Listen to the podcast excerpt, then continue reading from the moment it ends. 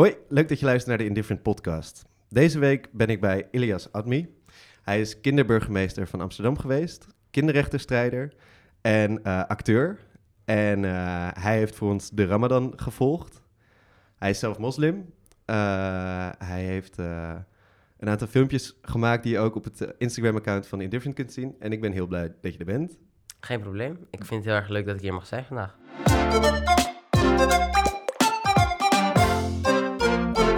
Het zou gek zijn om tegen jou te zeggen welkom, want ik ben eigenlijk bij jou te gast. Niet echt trouwens, het is niet echt van mij, maar het is inderdaad wel een plek die ik heb geregeld, klopt, ja. Ja, want waar zitten we precies? Op dit moment zitten we op dezelfde plek waar ik eigenlijk het iftar heb georganiseerd ehm, tijdens de Ramadan. Dat is de eh, moskee in Amsterdam-Noord, moskee al Mutakin.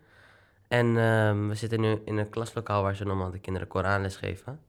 Ehm, dus ja, daar zitten we nu. Ben je hier eh, vaak geweest om les te krijgen? Of?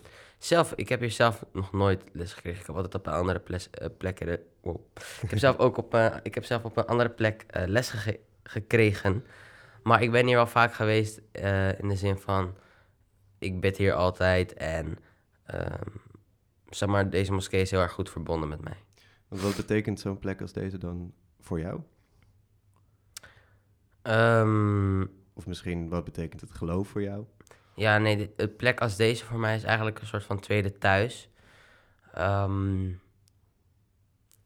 wat, ik hier, wat ik hier fijn vind, is omdat ik hier veel mensen ken. En ik kan hier, zeg maar, alles doen, zeg maar, wat ik... eh, hoe zeg Ja, het is best wel een raar gevoel, maar... eh, sorry, best wel raar iets om uit te leggen, maar... Ja, Het is zeg maar een plek waar ik echt mezelf kan zijn. Ik kan hier eh, bidden als ik wil. Als ik me niet fijn voel, ga ik naar deze plek om te bidden. Sowieso als ik iets niet goed vind, zeg maar, nee, tenminste, als ik me niet goed bij iets voel of iets, ehm, of iets lastig vind, dan voordat ik een beslissing maak, ben ik altijd eerst aan het bidden. En dit is een plek waar ik dat heel goed kan doen. En ja, ik ben eigenlijk best wel verbonden met deze plek. Zelf omdat mijn vader hier ook werkt. Hij is penningmeester. Mhm. Dus ehm, ik ben hier best wel vaak. Want hoe vaak per week ben je hier dan? Sowieso elke vrijdag. Tijdens de Ramadan was ik hier volgens mij wel elke dag. Vrijwel bijna elke dag. Ehm, maar echt in een normale week ben ik er misschien één of twee keer. En het komt dan omdat ik woon zeg maar zelf in Amsterdam Zuidoost en het is in Amsterdam Noord. Ja. Dus vaak ben ik dan in, in de moskee, of ik ben vaker in de moskee dan in een normale week in Amsterdam Zuidoost dan in de moskee in Amsterdam Noord. Je noemde net al dat je hier een iftar hebt georganiseerd. Kun je kort uitleggen wat dat is? Een iftar. Ja. Nou, zeg maar, in de Ramadan heb je van eh, soms opkomst tot zonsondergang mag je zeg maar niet eten. Ja. En zeg maar het eten na soms onder, ja, na zonsondergang, eh, het eten daarna noem je iftar. Eh, en dat heb ik hier zeg maar, dat is eigenlijk een soort van het avondeten en dat heb ik hier georganiseerd samen met de moskee. En dat was een eh, geslaagd iftar. We hebben de paar acteurs van Makromafia uitgenodigd. En eh, bestuursleden van eh, Amsterdam Noord. En we hebben een heel goed gesprek gehad. En dat was super leuk. ja want het klinkt wel alsof hier een hele hechte gemeenschap is die goed voor elkaar zorgt. Eh, dat blijkt ook wel uit dingen als zo'n iftar. Super gezellig. Zeker. Eh, is dat ook iets wat je misschien zou willen meegeven aan de Nederlandse cultuur? Want ik kan, me, ik kan me bijvoorbeeld... Ik had het er laatst met iemand over dat in Nederland betekent het is etenstijd. Voor gasten, ga naar huis. Terwijl in andere landen betekent dat kom bij ons eten, weet je wel? Dus wat, wat kunnen wij Nederlanders, of wij Nederlanders, wat die groep dan ook is, leren van, van deze gemeenschap bijvoorbeeld? Eh, wat kunnen ze leren? Het is, het is, zeg maar... Het is best wel raar eigenlijk, omdat de twee groepen zijn natuurlijk een, heel verschillend van elkaar. Maar ze kunnen inderdaad, wat je zegt, heel veel van elkaar leren. Ehm, en wat ik zelf altijd denk, het is wat de persoon zelf fijn vindt. Dus als een persoon zelf fijn vindt, oké, we willen niet dat er iemand bij is, als wij maar uit een gezin zijn, dan kan ik dat ook begrijpen.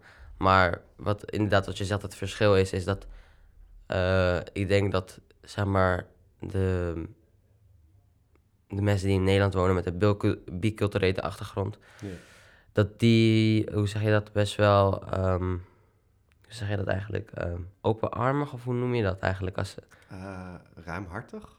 ja, zoiets. In ieder geval dat ehm, je hebt altijd wel plek voor iemand eh, om, zeg maar, als het nu bijvoorbeeld gaat om het mee eten.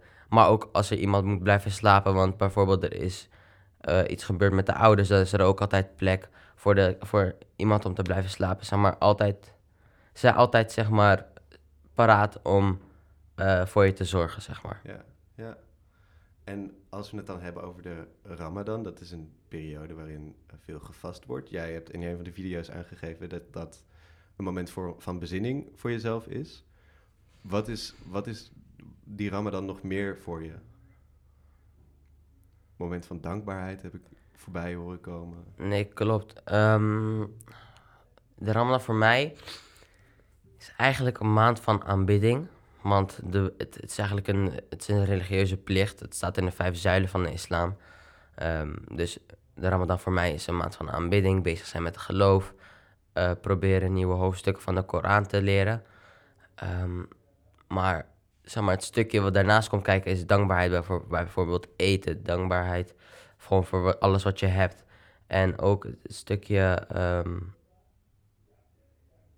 ja, hoe zeg je dat? Het stukje zelf, het stukje verantwoordelijkheid van, eh, je, je bent verantwoordelijk voor wat je doet, eh, voor je daden, voor wat je allemaal, waar je mee bezig bent. Eh, dus daar ben je ook mee bezig, maar het betekent vooral voor mij een maand van aanbidding en bezig zijn met eh, het geloof. Is er iets eh, specifiek deze Ramadan wat je eh, geleerd hebt over jezelf of over mensen om je heen? Wat je zou willen delen? Nou, ik vond deze Ramadan eigenlijk best wel snel gaan.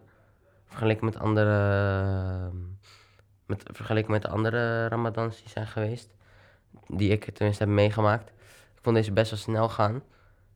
Ehm, dus er zijn niet echt dingen die ik heb, anders heb meegemaakt dan in andere Ramadan. Nee. Je noemde net de vijf zuilen. Ja. Kun je uitleggen wat die vijf zuilen zijn? Oeh, ik ben net wakker, dus moet ik even heel goed eh, nadenken. Dat is oké hoor, dat is oké. Eh, de vijf zuilen, ik- weet ze niet op volgorde, maar in ieder geval vijf keer ta- per dag bidden. Ehm, je moet meedoen aan de Ramadan, dat is een ver- verplichting. Je moet eh, naar Mekka zijn geweest en Medina. Je moet ehm een zakat geven, dus dat betekent eh, ehm, geven aan de mensen die het minder hebben. Ehm, en aanbidding. Ja, ja. ja, tof. Ik denk wat eh, er nog meer bijzonder is aan deze plek is dat het in Amsterdam is. Eh, jij bent, ik kan wel zeggen, bekende Amsterdammer. Wat, wat is deze stad voor jou? Amsterdam. Ja, Nou, het leuke aan Amsterdam is dat ik...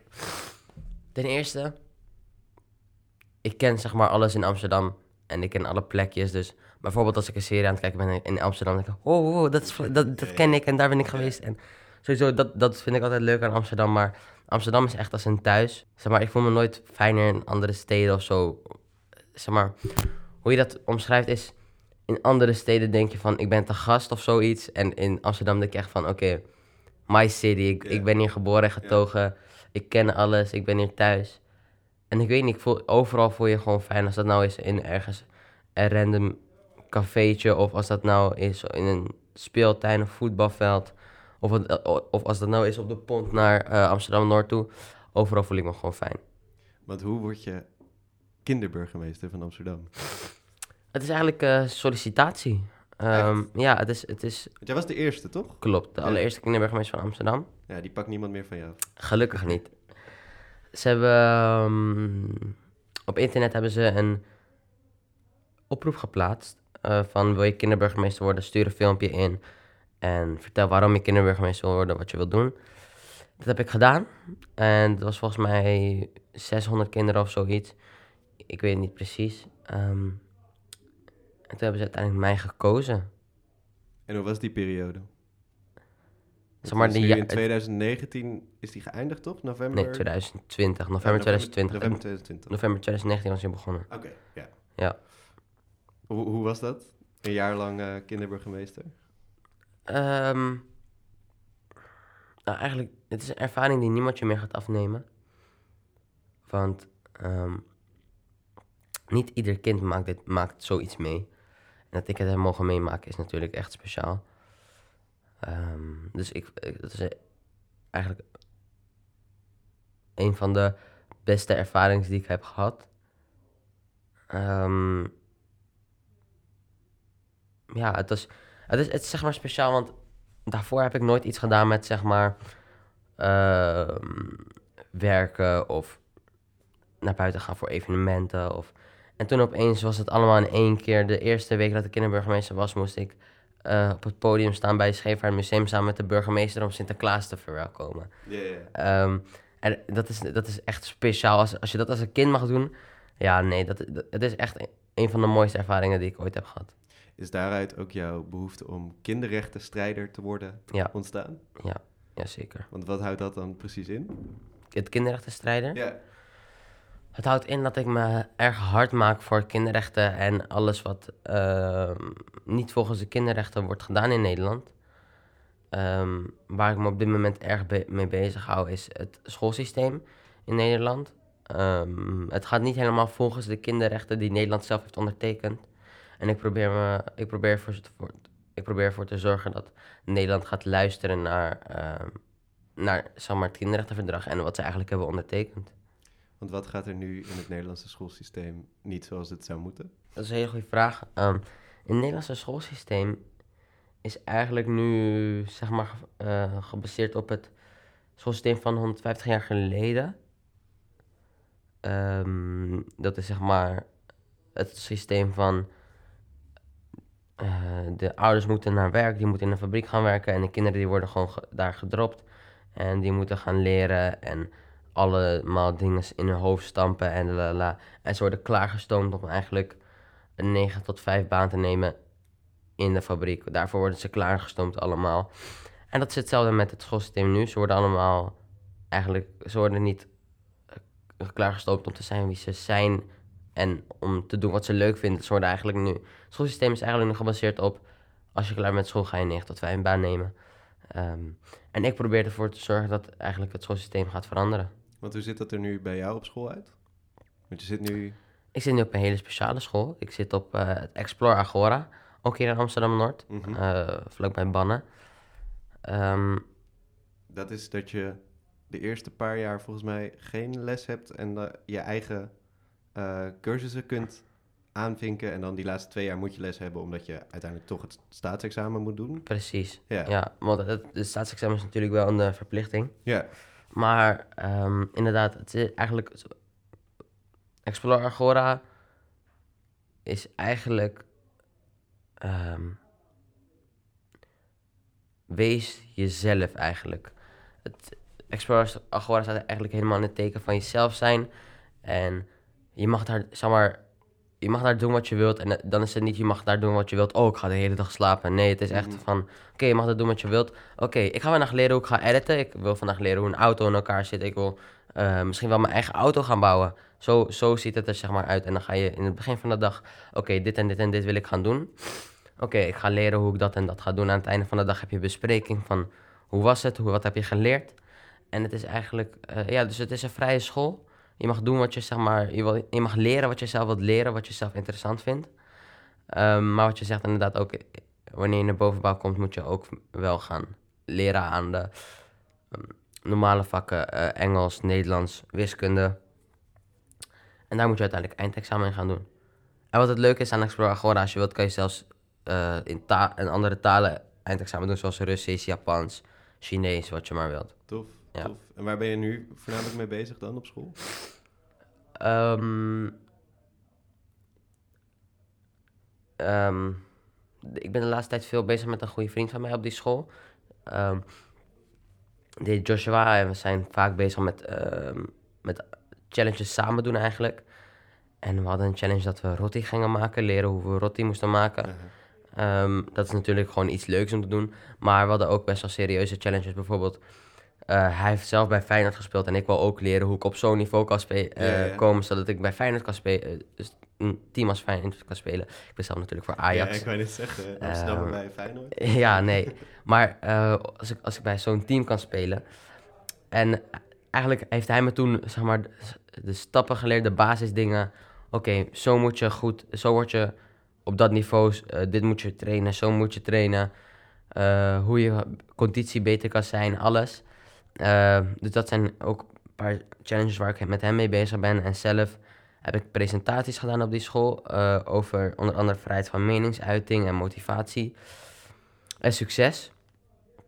Dus ik ben best wel met eh, serieuze challenges bezig, maar ook wel met leuke natuurlijk. Ja, ja, want hoe ben je dan in deze mindset gekomen van, nou, je strijdt dus voor rechten. ik, ik hoor dat je veel doet aan bezinning, weet je wel. Je denkt echt na over de dingen die je wilt doen, deels vanuit je geloof en deels volgens mij vanuit je persoonlijkheid. Eh, je, je staat op voor anderen, voor jezelf.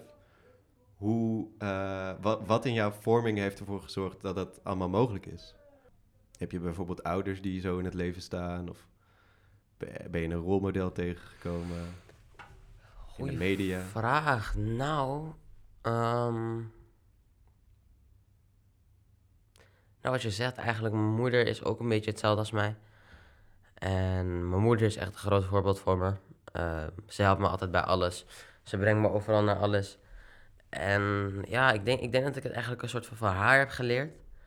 En aan de andere kant, ja, het is ook gewoon een deels eh, persoonlijkheid. Dus ik weet niet, het voelt alsof ik ermee geboren ben, laat ik het zo zeggen. ja.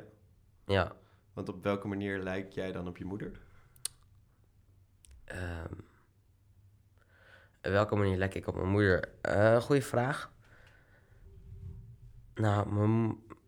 eh, wow. Even nadenken. Nou, mijn moeder staat eigenlijk erg positief in het leven. En ja, ze staat gewoon staat erg positief in het leven en ze helpt me eigenlijk bij alles.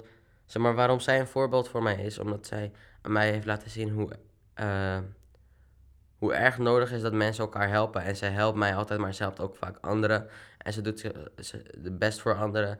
En eh, bijvoorbeeld een, eh een iftar die ik had georganiseerd in Amsterdam Zuidoost. Ehm mijn moeder had voor mij bijna het halve werk daarvoor gedaan. Ja. Omdat ik, ik vond het best wel lastig aan zelf een echte iftar organi- te organiseren. Dus ik heb het samen toen met eh, Monira gedaan en mijn moeder heeft me ook echt goed geholpen. Dus eh, op welke manier lijk ik op mijn moeder? Ik denk dat mijn moeder en ik best wel verschillend zijn, zeg maar, als in personen, maar qua mindset en eh, geloof en gewoon hoe onze, hoe zeg je dat, onze wil om andere mensen graag te helpen, zijn we echt best wel hetzelfde. Ja, ja, tof. En als jij jezelf voorstelt en je bent dan zo oud als je moeder nu is, wat ben je dan aan het doen? Ja, het- op zich, ik ben 13, dus ik weet nog niet echt, ik zeg, dat zeg ik heel vaak tegen mensen, ik weet nog niet wat ik later wil gaan doen. Maar hoe het op dit moment eruit ziet, is dat ik ehm, misschien wel eh, mijn eerste rolletje in eh, Hollywood te pakken heb. Echt? Ja, dat zou ik, wel, zou ik wel leuk vinden. Ja. En anders een best wel grote naam in Nederlandse film. Zoals bijvoorbeeld Barry Atsma of Nasreddin Char. Ja. Ja. Ja, tof man. En vanuit een activistenperspectief, hoe wil je dat de wereld er dan uitziet? Nou, ik, ik hoop dat we dan eh, met z'n allen hebben geholpen om ervoor te zorgen dat de wereld niet eh, eruit gaat zien als eh één grote vuilnisbelt. En dat we met elkaar, ehm, dat we eigenlijk in plaats van bezig zijn met op onszelf en bezig zijn ehm, met alleen maar, zeg maar, o- egoïstisch bezig zijn. Dat we bezig zijn met elkaar en dan niet met elkaar bemoeien, maar met elkaar helpen om dingen te verbeteren aan elkaar. En helpen om met elkaar ehm, de, de nieuwe challenges die zich eh, die voor je staan om die samen aan te pakken. En samen ervoor zorgen dat, eh, dat we met elkaar eigenlijk eh, alles kunnen bereiken wat we willen. Ja, Dat we gewoon de schouders eronder zetten met z'n allen en, eh, precies. en het gaan doen. En ehm, waarom lukt dat nu niet, denk je? Een hele goede vraag. Ik denk dat het op dit moment niet lukt, omdat op dit moment best wel mensen, er zijn best wel, mens, eh, best wel veel mensen, onder andere wereldleiders, die erg egoïstisch zijn. Egoïstisch zijn. En eh, dat is gewoon best wel jammer. Ik denk dat zeg maar, de helft van het probleem is vaak egoïsme. Ik hoop dat we dat, dat, eh, dat we dat ervoor kunnen zorgen dat dat minder is, eigenlijk. Ja. Dan nog even kort over dat acteren. Ehm, wat, wat is acteren voor jou? Waarom, waarom voel je je daar zo tot aangetrokken? Acteren is echt mijn passie. Ja, ik vind acteren zo leuk. Ik kan, zeg maar, het leuke aan acteren is, als je acteert, ben je niet jezelf. Je bent een heel ander persoon. Zeg maar, je krijgt een script en je leest het, oké. Oké, ik ben een jongen die heel erg slim is. Oké, dan ga je heel erg slim gedragen. Ik ben een jongen die heel erg agressief is. Dan ga je, dan, zeg maar, vanaf het moment dat je dat leest, is je hoofd gewoon, oké, ik ben agressief. Praat één keer tegen mij en ik sla je hier op de ja, vloer neer. Dus dat, zeg maar, dat moet je, dat is zeg maar, eh, dat is zeg maar hoe je dan zeg maar, erin ziet. Dus het is, het, is- het is, zeg maar, je bent een heel ander persoon en je kan je vaak ehm leven in andere personen. En het is gewoon leuk, omdat je zoveel, zeg maar, en het leuke aan acteren is, als je voor een rol bent gecast en je, en je bent op de set, dat is zo'n leuke ervaring. Het is vaak leuk met, dat je met, eh, met je tegenspelers altijd bezig bent, samen op de set. En dan zijn jullie gewoon bezig met klooien en voetballen en weet ik veel wat. Ehm, dus ja, het is altijd, acteren is voor mij echt best wel leuk, ja. Kun je beschrijven dan hoe zo'n acteerdag eruit ziet? Bijvoorbeeld op de set. Ja? Oh, oh, oh. eh, ja. Het, het, het is best wel verschillend. Bijvoorbeeld,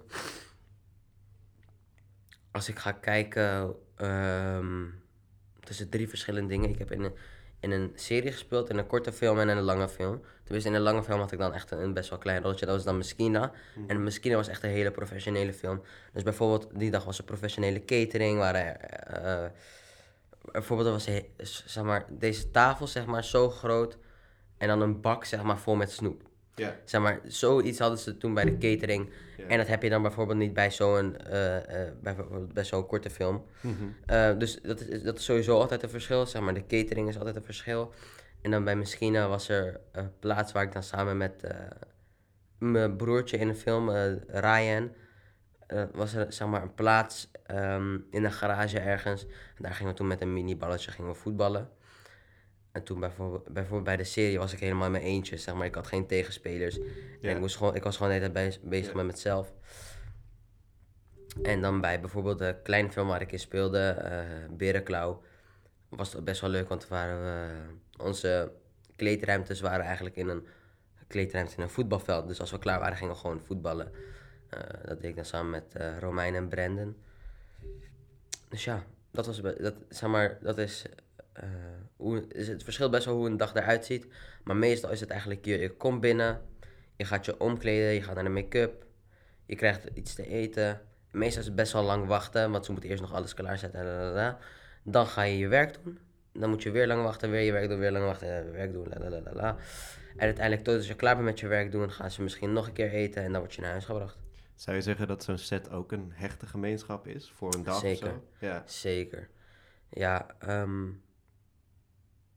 ik heb ooit van eh, iemand gehoord, ehm, een, eh, een andere acteur, eh, die zei, ehm,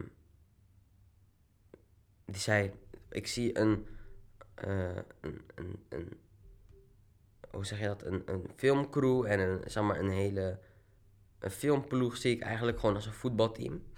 Mhm. Want je bent bijvoorbeeld, hij zegt, als er één iemand mist, dan ben je eigenlijk niks. Zeg maar, ze moeten heel hecht zijn. Bijvoorbeeld, in het, dus hij bijvoorbeeld in het, in het voetbal zonder een fullback ben je niks.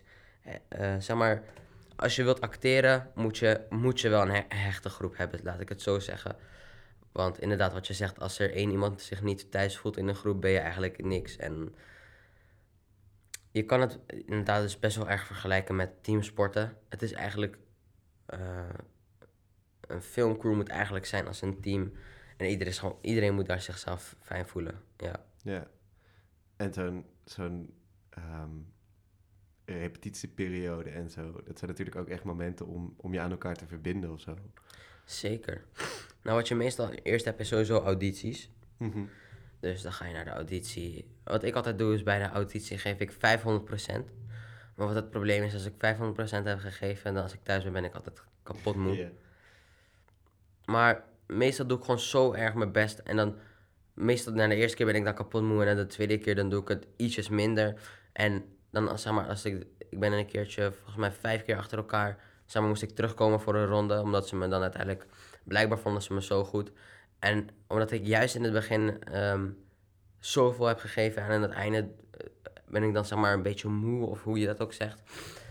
Ehm, dus daar moet ik eigenlijk wel een beetje mee stoppen. Eigenlijk moet ik eh, in het einde pas 500% geven. Maar ehm, ja, zeg maar, eerst heb je dan een casting. En als de casting goed is gegaan, ben je gekozen. En als je gekozen bent, ga je natuurlijk ehm, eerst kennis maken met je tegenspelers. Dan ga je de tekst even doornemen. En als je daar klaar mee bent, gaan jullie eigenlijk, zeg maar, op de dag zelf gaan jullie eerst repeteren, zeg maar, voordat de camera aangaat. En dan gaan jullie eigenlijk de scène spelen en dat doe je alsof de camera aanstaat, maar de camera staat helemaal niet aan. En als de repetitie goed is gegaan, dan eh, zetten ze de camera aan en dan is het eh, werken. Ja, ik hoor eigenlijk terug dat je steeds eh, je begeeft in groepen hechte mensen. Is dat ook eh, de oplossing voor eh, hoe we verder moeten met z'n allen? Ik hoop, Dat- ja, Ik bedoel, ik denk het wel. Ik hoop dat we dat, we dat wel meer gaan zien. Dat, ehm, en dan zeg maar, als, wat ik dan zou, graag zou willen zien is dat, wat je nu ziet in, bijvoorbeeld in Nederland, is dat ehm, inderdaad, zoals je zegt, groepen. Ehm, je hebt de groep Maro Marokkaans en Nederlands, de groep Turks en Nederlands, eh, la la la. Zeg maar, je hebt verschillende soorten, hoe zeg je dat, groepen in Nederland met biculturele achtergronden. En wat ik hoop, is dat die groepen eh, allemaal bij elkaar komen en inderdaad hecht worden. Eh, eigenlijk precies zoals jij het zei. En dat hoop ik eigenlijk dat er ook gaat gebeuren hier in Nederland. Ja, want jij ziet eigenlijk dat ehm, verschillende biculturele groepen niet dichter bij elkaar komen. Of, ja vaak zijn ze bezig met, met hun eigen groep en zijn ze bezig in hun eigen groep. Maar ik hoop, eh, ik hoop dat ze dichter bij elkaar willen komen. ja.